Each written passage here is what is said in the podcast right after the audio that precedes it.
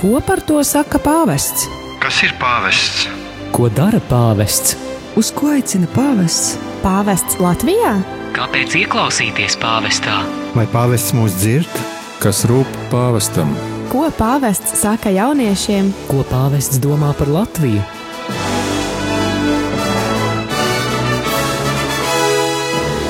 Gaidot pāvesta vizīti Latvijā, atbildes uz šiem un daudziem citiem jautājumiem meklēsim raidījumā Pētera pēdās.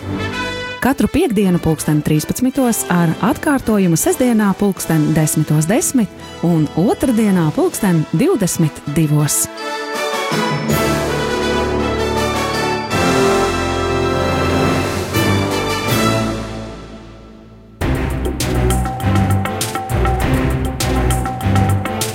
Es domāju, ka pāvests kā personība mums daudziem ir noslēpums un uh, pāvesta darbība, ko pāvests vēlās. Pāvesta loma baznīcā, pāvests tieši šajā laikā un pāvesta darbība iepretim šā laika izaicinājumiem. Es domāju, ka tas mums ir katram svarīgs, katram ir svarīgi saprast, ko dara pāvests, kāpēc dara pāvests un uz ko mūsu pāvests aicina. Un tāpēc es atkal aicināju uz sarunu priesteri Andri Kravali, kurš šajā raidījumā pastāstīs par to, kas ir pāvests kā personība un kā pāvests atbild uz mūsu laika izaicinājumiem. Ar jums šajā raidījumā esmu es, Aigars Brikmanis.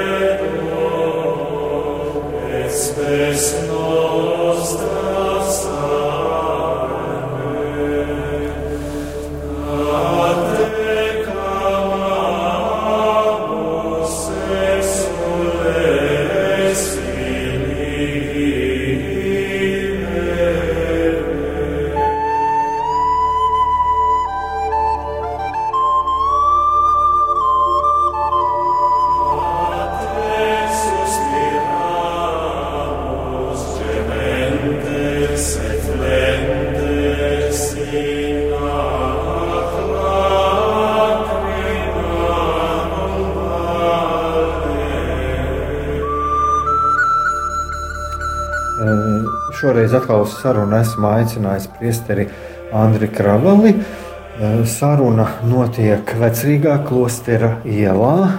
Un iespējams, ka sarunas laikā būs dzirdami arī daži fona trokšņi, jo šeit strādā apkārt strādnieki, un pats priesteris arī, kā redzu, ir aizņemts. Tāpēc es esmu ļoti pateicīgs, kad, kad piekrītām šai sarunai. Un, kā jūs, darbie radioklausītāji, ziniet, mēs atkal runina, runāsim par pāvestu. Un, un kaut kā šoreiz gribās pievērsties īpaši, pievērst vēl uzmanību pāvestam kā personībai un pāvestam kā reformatoram. Jo ļoti daudz es esmu lasījis, dzirdējis, tagad runā par šo pāvestu, kurš pat baznīcā veicis reformas, un viņš pat tiek devēts par lielāko reformatoru. Kā tas ir?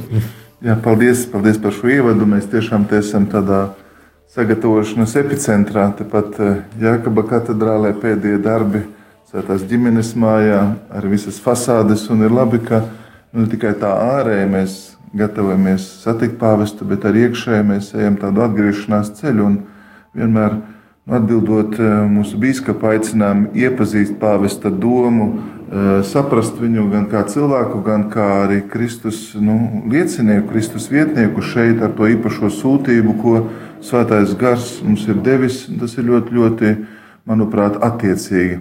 Un man te stāv priekšā daži varbūt pāvesta teksti. Pirmkārt, jau gribas izcelt nu, pāvesta pazemību. Ne par velti viņš jau Argentīnā tika saukts kā nabago kardināls, pārvietojoties vienkārši ar transporta līdzekli, neizvēloties neko sev tādu kā luksus preci, esot ļoti pieticīgs, vienkāršs. Un arī savos patiesības meklējumos, kā jēzuīts un paliekot eh, dziļi šajā garīgumā, viņš eh, saka šādus vārdus, ja kādam ir atbildes uz visiem jautājumiem, nu, tas pierādījums, ka Dievs nav ar viņu.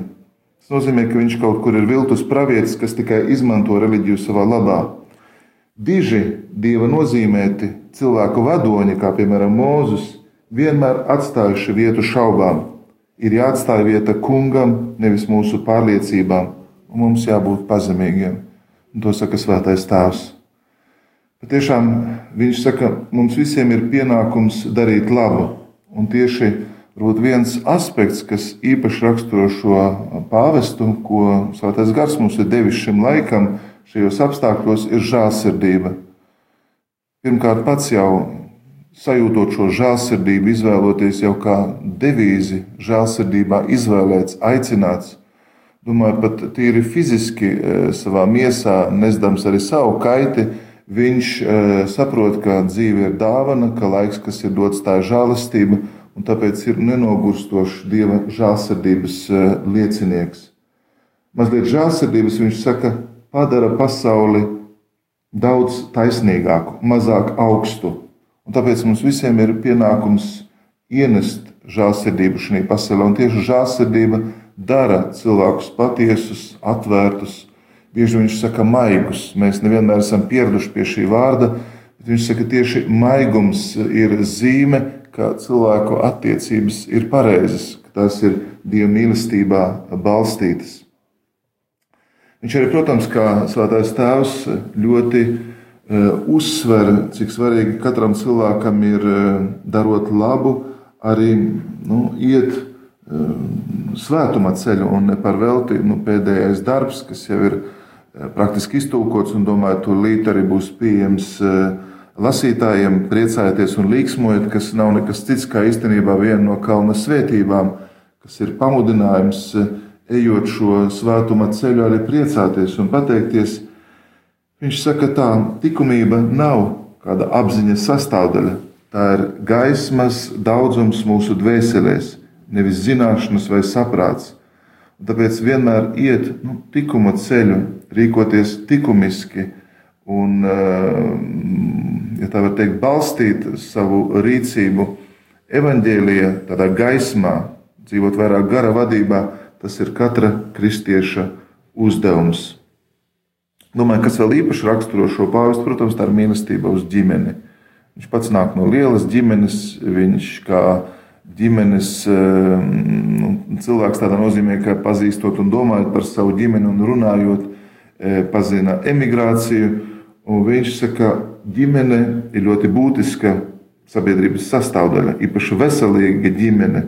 Un tā mums sniedz mierinājumu un cerību Un, kad mēs redzam lielas ģimenes, kas uztver bērnus kā dieva dāvanu, tad tā ir svētība, tā ir mūsu sabiedrības nākotne.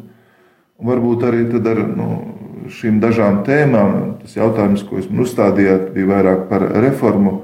Manuprāt, reforma pāvestam nav vienkārši kāds jauns virziens, ko viņš grib, bet viņš saprot, ka visur šajās sfērās ir vajadzīga reforma. Un, manuprāt, jau atnākot uz uh, pāvesta apartamentiem, viņš pats iesāka šo reformu, nevēloties palikt eh, pāvesta teiksim, tajos apartamentos, teiksim, pilī un būt vientuļš, bet eh, nevis spēlēt kādu viltus pazīmi, bet vēloties būt kopā ar brāļiem, pastāvēt ar rindā pēc ēdiena, būt viens starp pārējiem garīdzniekiem, priesteriem, bīskapiem, būt pieejams. Viņš izvēlējās šo tādu dzīves veidu kas parāda, ka viņš nu, nemeklē savas privilēģijas vai nevēlas uh, pierādīt sevi, bet gluži pretēji viņš ir atnācis, lai kalpotu un saprot, ka esot vienotāks ar saviem brāļiem, arī es domāju, ar savu ordeni, jo viņš ir un paliek iezuīt tās, un par velti ir daudzi padomdevēji viņam šī ceļā, Un Jēzus ordenim ir liela pieredze gan garīgā, gan praktiskā ziņā. Tad arī nu, šīs zināšanas, šī cilvēka izpratne, jo viņš ir atcerēsimies, bija arī Novičs vadītājs kādu laiku, viņa padara patiešām par lielu garīgu autoritāti. Un tie cilvēki, kas viņu varbūt labāk pazīst, ir, ir pārsteigti par to, nu, kā viņš interesēs par cilvēku. Arī šeit, sagatavojot šo vizīti, nu, mums teica, tātad, lai nebūtu nekā lieka, jo cilvēks, eh, kas viņu grib satikt, eh, piemēram, biskups, kas ar viņu runās, viņš ir šeit viņu dēļ.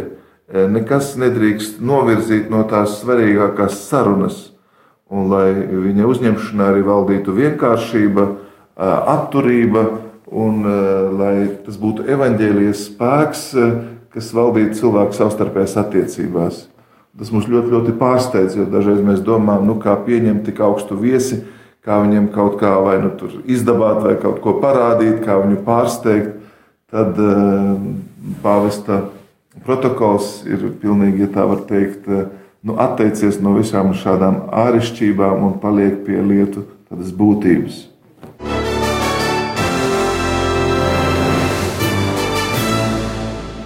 Pēc brīža turpināsim sarunu ar priesteri Andri, bet tagad dodamies mūzikas pārtraukumā.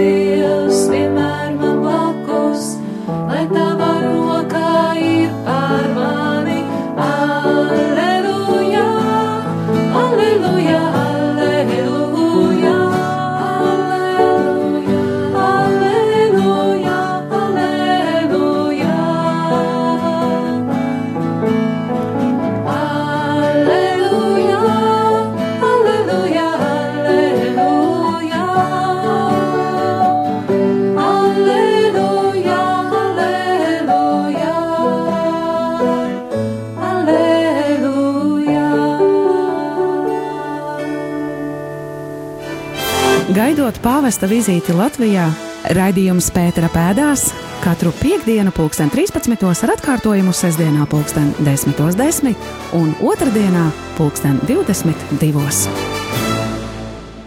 Esam atpakaļ ēterā un turpinam sarunu ar priesteri Andri Kravali.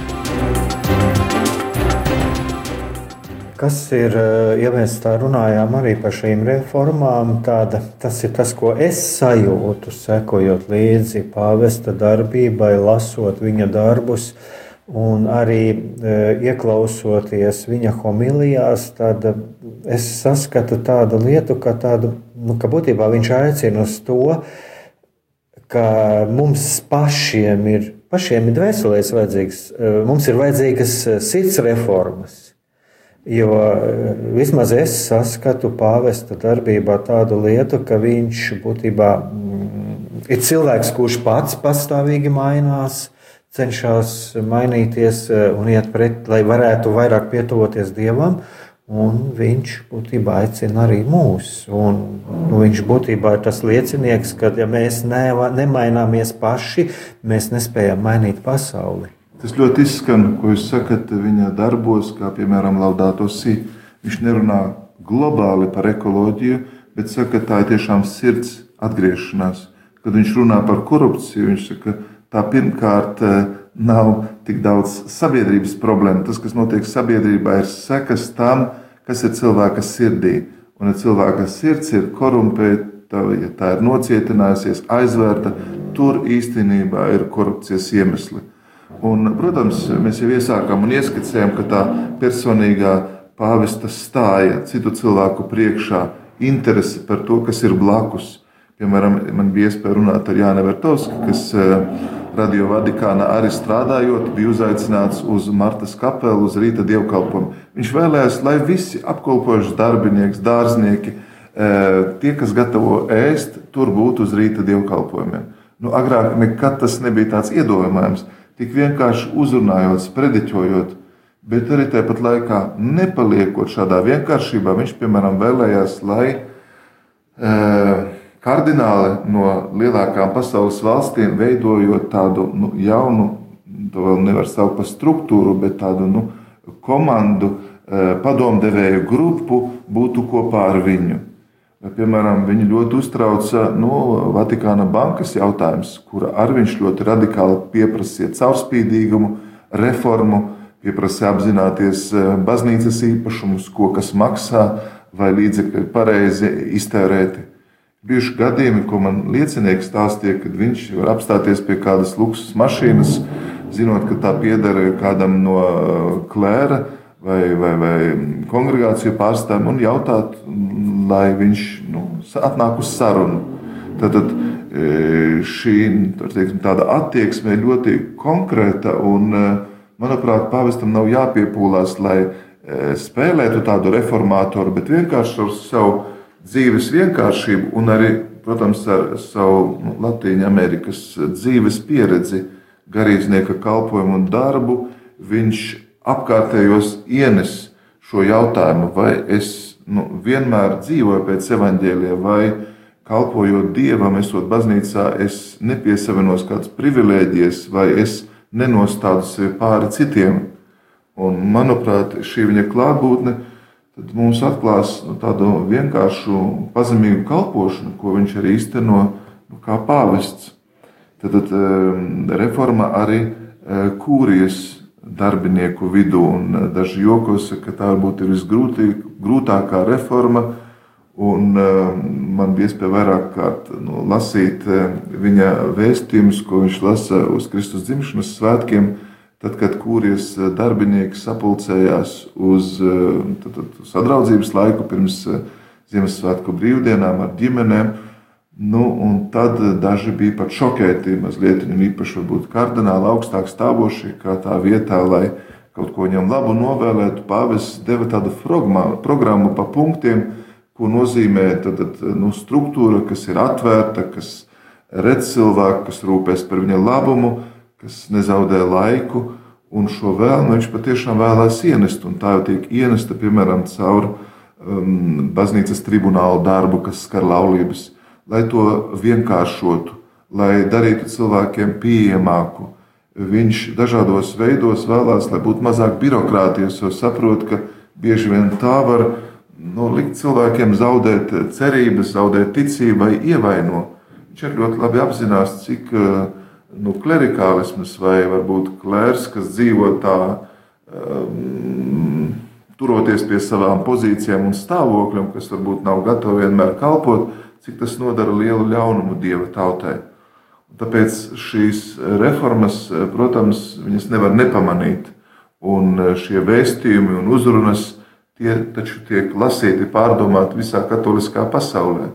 Un es zinu, ka piemēram dažas bagātākās valstis ir spiestas pārdomāt, nu, par tām pilīm vai apartamentiem, kur viņi dzīvo un strādā, varbūt tām um, privilēģijām un, un stāvokļiem, kas viņus pasargā, lai tiešām vairāk atbilstu evaņģēlie vēsti. Jo tas patiesībā nu, var kļūt un ir kļuvis arī par lielu ieļaunumu cilvēkiem. Es domāju, runāt par arī dažiem uh, seksuālām uh, skandāliem un, un varbūt varmācību no priestera puses. Arī tas pāvestam ļoti sāp, un ne par velti viņš ļoti ātri norēģēja, uzrakstīja vēstuli Viņš e, izsauca daudzu valstu konferenču biskupus, lai pārunātu šos jautājumus. Viņš vēlas konkrētus soļus. Un varbūt pirmais tas solis ir tiešām, lai dziedinātu ievainojumus, lai tur būtu taisnība, lai cilvēki arī atgriežoties spētu atzīt savas vainas, lai nu, šis iejaunojums tiktu mazināts. Tad, uh, Otrkārt, manuprāt, tas liek pārdomāt arī par priesteru formāciju par tām struktūrām, kur eh, nākošie priesteri tiek gatavoti, arī par priesteru patstāvīgo formāciju, kas viņam ļauj pilnveidoties un nu, nejusties tā kā mazam, varbūt eh, eh, pārvaldniekam savā draudzē, bet tiešām vienmēr apzināties šo kalpošanas sūtību, ko Kristus viņam ir uzticējis. Un patiešām šīs reformas, manuprāt, skar visu baznīcu, un varbūt tieši tāpēc arī domāt par Asīs Francisku. Viņš ir izvēlējies šo vārdu Francisks, jo Francisks nereformēja baznīcu ar pārspēku, ar kādiem e, īpašiem līdzekļiem vai zināšanām, bet ar atgriešanos pie evaņģēlīja, pie evaņģēlijas skaidrības, vienkāršības. Un šis atgriešanās ceļš nav nekas cits kā svētuma ceļš. Un tas ir vienīgais, autentiskais, arī prieka, laimes un svētības ceļš, kas mums ejams. Es bieži domāju, ja manī nav prieka, ja līdzcilvēki, kas man ir blakus, varbūt pilnā mērā nespēja priecāties, tad varbūt tāpēc, ka mēs vēl radikāli neesam izvēlējušies evaņģēlīja ceļu. Bet tieši nu, šis evaņģēlīja prieks ir visa pamatā, un tāpēc arī e, viņa encyklikas arī par, piemēram, evanģelizāciju, viņas nav tikai tādu virzienu norādošas, bet ļoti konkrētas. Pasaka priesterim, nu, kādam ir jābūt tavam sprediķim, vai kādi ir pastorālā darbinieku kārdinājumi, izaicinājumi. Viņš atrod arī iespēju pateikt pateicību visiem tiem, kas tajā jomā strādā, kas dara labu. Un īpaši tāda pateicība ir tā arī, kas raksturo pāvestu. Zinu no dažām iepriekšējām vizītēm, ka viņš pat nu, piecēlies no, no pusdienu galda vai vakariņām, iet uz virtuvi un vēlas uzrunāt, un pateikt un pasvētīt to, tos, kas ir sagatavojuši šēdienu. Un, manuprāt, eh, nu, šī pāvesta uzmanība pret mazajiem, pret neaizsargātajiem, pret vājiem, izstumtajiem, pret tādiem, kas, kā viņš saka, atrodas baznīcas perifērijā, nu, ir tā lielākā reforma, kas liek baznīcai pārdomāt par savu aicinājumu. Patīk ļoti, kā šeit mūsu draudzē Jānis Bastēns saka, nu, kad mēs nabago ieliksim savas dzīves centrā, kad mēs arī savu nabadzīgāko daļu nevis slēpsim, bet to Eh, uzlūkosim patiesībā, tad mūsu dzīvē notiks izmaiņas. Tad eh, Dievs varēs mainīt mūs, un mēs paši mainīsimies.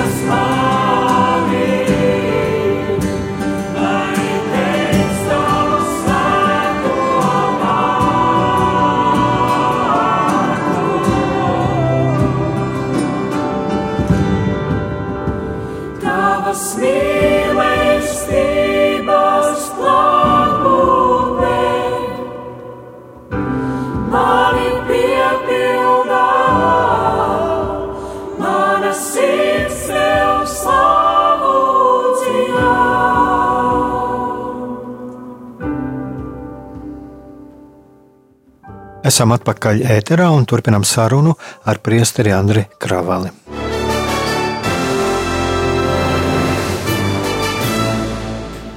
Jā, pāvests arī runā tieši par šo autentisko, autentisko dzīvi, autentisko dzīvi saskaņā ar evaņģēliju. Un vēl kas ir, ko viņš ir teicis vienā no savām pēdējām homilijām, tur viņš runāja arī par neliekuļošanu. Viņš aicināja aicināja ticīgo tautu neliekuļot. Jo nu, būtībā jau ir arī tā, ka ja mūsu tas, ko mēs sludinām ar vārdiem, neatbilst tas, kā mēs dzīvojam un arī kā mēs attiecamies uz cilvēkiem, tas ir ļoti liels iejaunojums. Man nāk priekšā šeit, piemēram, saka, protams, ir skandalozas ziņas, un šādas ziņas, piemēram, kas tiek atklātas, ir skandalozas, bet viņš saka, ka Bet ir tādas ziņas, par kurām mēs nerunājam, varbūt nedomājam. Ir tik daudz bērnu, kam trūkst pārtikas. Ja? Un par šīm ziņām mēs, ja tā var teikt, neuztraucamies. Mēs nevaram būt mierīgi, kamēr tas tā ir. Un tad, tad pāvests ir izējot no savas universālās sūtības, arī tiešām nu, domā par varbūt tādiem cilvēkiem, par kuriem nu, mēs negribam domāt, vai izvairamies domāt, vai uh, kuri šķiet, tā var teikt, nu, Ehm, it kā nerisina eh, šīs pasaules problēmas, bet tieši tie evaņģēliski raugoties, Kristum bija vissvarīgākie. Tieši noliecoties par viņiem, Kristus lika saprast saviem mācekļiem, kāda tad ir šīs labās vēsts būtība.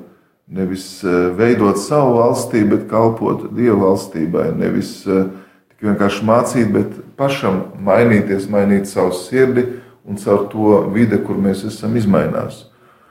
Un tieši tāpēc mēs tā varam patiešām nu, lepoties ar mūsu svēto tēvu, ar Francisku, jo nu, veids, kā viņš e, dzīvo, kā viņš rīkojas, kā viņš arī kalpo, ir ļoti integrāls. Un, e, nu, tā var teikt, viņa visa dzīve, pat ja viņš ieņem tik svarīgu amatu, lomu, sūtību, uzdevumu, tāpat laikā nu, paliek tāda ļoti vienkārša, pazemīga un atvērta visiem. Un kā to saglabāt, jo bieži vien nu, cilvēkam tiek iedots kāds varbūt amats, pienākums.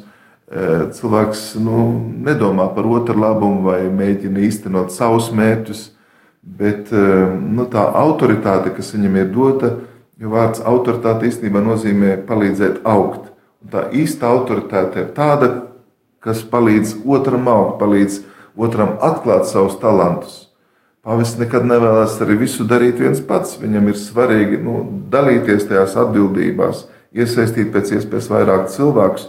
Arī patiesībā, nu, runājot ar mēdījiem, viņš arī vēlas tur reformu. Ja mēs paskatāmies, piemēram, Vatikāna, Radio Vatikāna lapamās ir mainīta, ir uzlabojumi Viņš arī daudz plānveidīgāk un izjūt no šodienas, eh, varbūt mēdījiem, eh, domā un plāno par eh, baznīcas uzdevumu un sūtību, par evaņģēlīja vēsts klātbūtni mēdījos.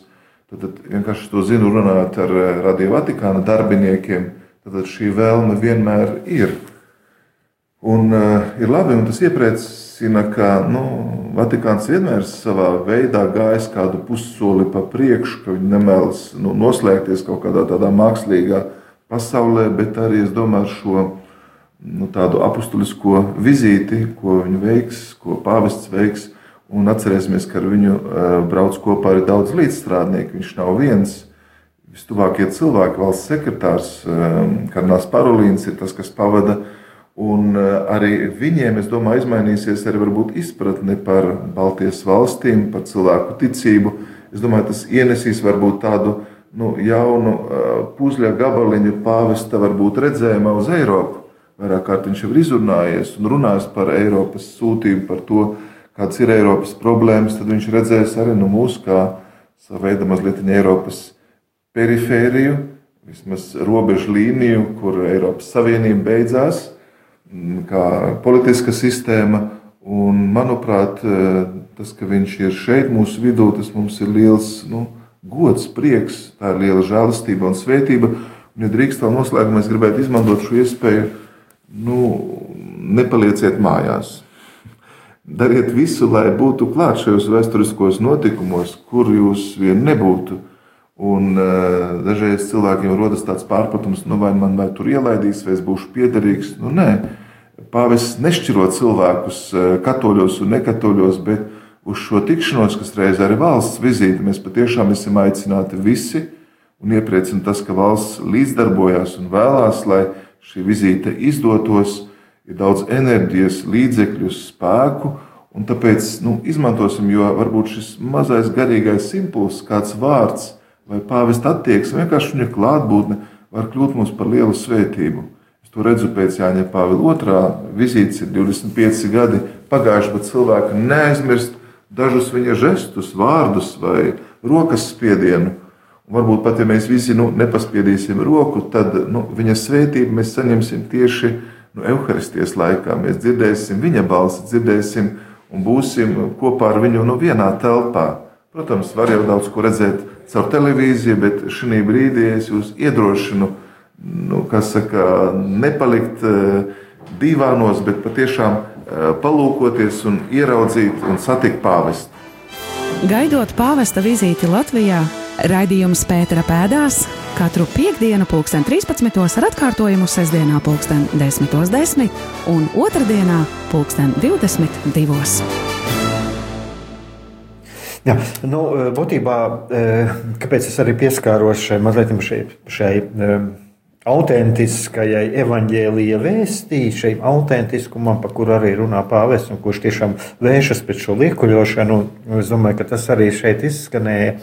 Ehm, tad, tad patiesībā es domāju, ka mēs varam arī runāt par tādu teiksim, šo autentisko evaņģēlīju vēstu nešanu pasaulē um, un uh, tādu, kas um, tiešām uzrunā sabiedrību, uh, Un tur mēs varam arī runāt par tādu iziešanu, iziešanu no komforta zonas, ko arī pāvests pats uh, cenšas darīt un uz ko viņš mūs aicina. Iet pie tiem, pie kā, pie kā ir vajadzīgs, un, un arī, uh, kā es redzu, saskatīt to, kas ir vajadzīgs, kas ir vajadzīgs baznīcā.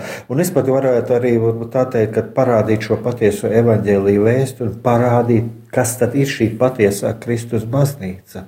Jo dažādi informācijas līdzekļi, kā tas tiek pasniegts, tad tagad jau, nu, es domāju, ka pāvests arī tas, ko viņš dara, un arī mums parādīt ar savu evaņģēlijam atbilstošu, autentisku dzīvi.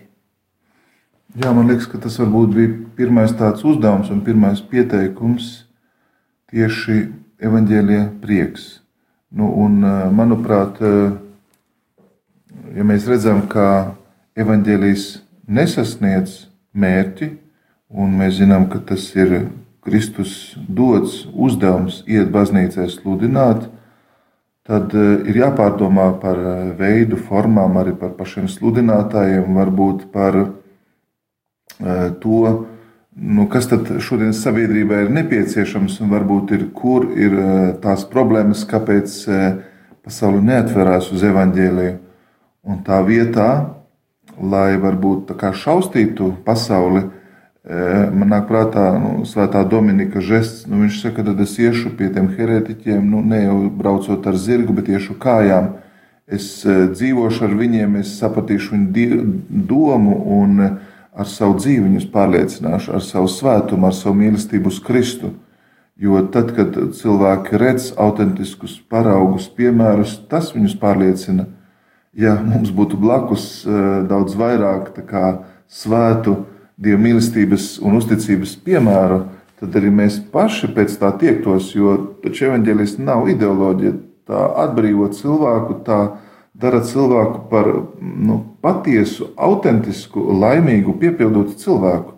Manuprāt, katrs nu, svētais atspoguļo Kristu savā laikā, savā dzīves, varbūt situācijā un stāvoklī. Un tāds ir svētuma uzdevums. Nevis, eh, tā var teikt, distancēties no šīs pasaules, bet gluži pretēji būt kā raugam mīklā, kas saraudzē, kas izmaina visu.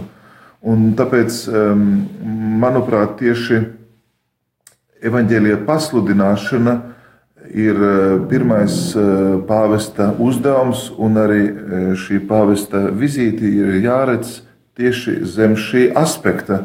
Viņš nenāk, lai kādas jaunas, varbūt idejas, patiesības atklātu, bet gluži pretēji, lai atgādinātu par evaņģēlīja vēsti, lai šī tikšanās būtu kā tāds nu, garīgs pacēlums, jauna iespēja, pamudinājums redzēt eh, evaņģēlijas skaistumu, eh, redzēt kristīgās dzīves eh, tādu prieku un, un īpašo sūtību un aicinājumu. Un, ja mēs to saprotam, tad mēs arī meklējam un tiecamies pēc tā. Es domāju, ka jūs šeit pieminējat arī pāvestas prediķus. Varbūt tieši šī laikā, nu, pat ja mēs aizējām uz katoļu informācijas mājaslapu, ja mēs aizējām uz pāvesta lapu, kas speciāli ir atvērta, ja mēs palasām varbūt viņa galvenās atziņas, ja mēs palasām, varbūt viņas prediķus, ieejam iekšā un paklausāmies, un kā viņš arī atklāti, nu, ar pārliecību, ne tikai runā, bet uh, viņš jau nepieturās papīriem. Viņš bieži vien arī saka šīs lietas no sevis, nu, cik tās ir. Ja tā var teikt, no sirds eh, teiktas, cik tās ir patiesas. Pāvis dažreiz pat pārsteidzoši spontāni runā, ir gatavs atbildēt. Un tas parāda viņa autentiskumu, parāda viņa tādu nu, tuvību cilvēkiem. Un arī tas, protams, parādās prediķos.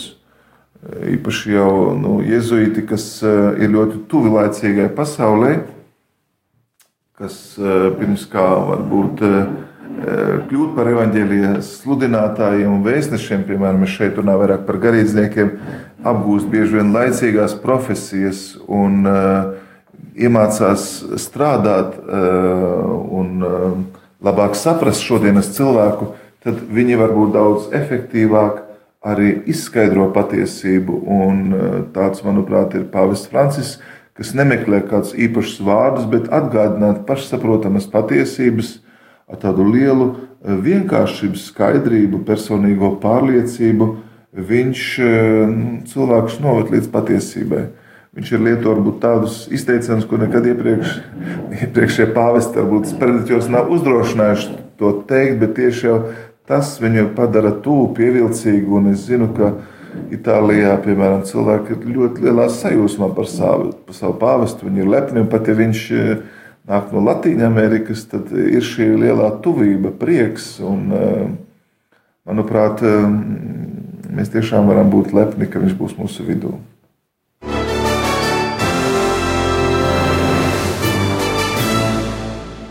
Ja drīkst, es gribēju vēl piebilst, ko mēs vēl varam darīt šajā laikā līdz pāvesta vizītei. Atcerēsimies, ka pāvis dodas uz Aglonu un kad arī šīs uh, vizītes uh, tēma ir rādi, ka esi māte. Tad, tad šis svētceļojums ir ļoti marijāls.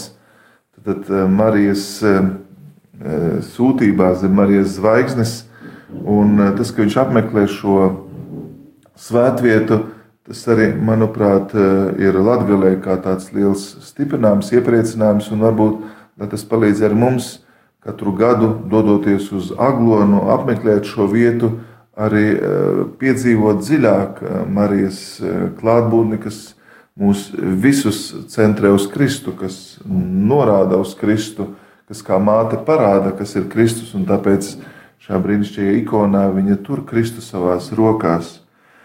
Mēs arī esam aicināti varbūt lasīt pāvesta darbus, enciklikas, dokumentus, lūgties. Un, manuprāt, vēl viens ļoti svarīgs aspekts ir tāda iekšā atgriešanās. Mēs varam caur labu grēku sūdzi, caur um, personīgām, garīgām, varbūt rekolekcijām vai pārdomāt, gatavoties šai vizītei un varam būt droši, ka Dievs izmantos mūsu pāvestu kā rīku, lai pateiktu mums to, kas mums tajā brīdī visvairāk ir vajadzīgs, lai svētītu, iepriecinātu, mierinātu un arī dotu tādu nu, Eh, manuprāt, šodienas sabiedrībai tik nepieciešamu pravietisku vēstījumu, evaņģēlisku redzējumu šodienas pasaulē. Esmu pārliecināts, ka eh, šīs dienas būs ļoti svētīgas un tās būs eh, kā garīgs stiprinājums, sava veida garīga atmoda, garīgs pavasaris mums visiem. Paldies, paldies par iesterību Andrim Kravalim, un es arī vēlos pievienoties. Un tiešām dosimies visi tikties ar pāvestu. Tātad uz tikšanos kopā ar pāvestu. Uz tikšanos. Laiks lūkšanai.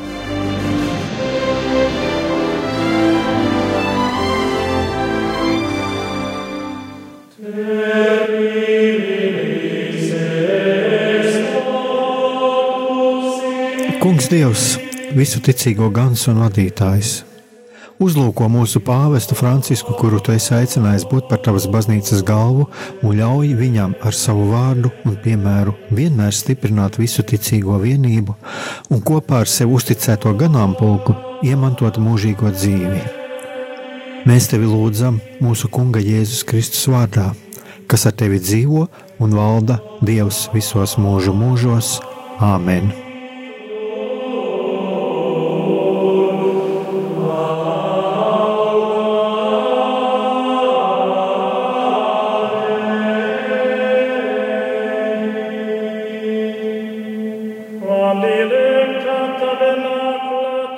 Paldies, darbie radioklausītāji, par klausīšanos šajā raidījumā kopā ar priesteri Andri Kravali, bija es, Aigars Brikmanis. Raidījums Pētera pēdās katru piekdienu, pulksten 13. ar atkārtojumu sestdienā, pulksten 10.10 10 un otrdienā, pulksten 22.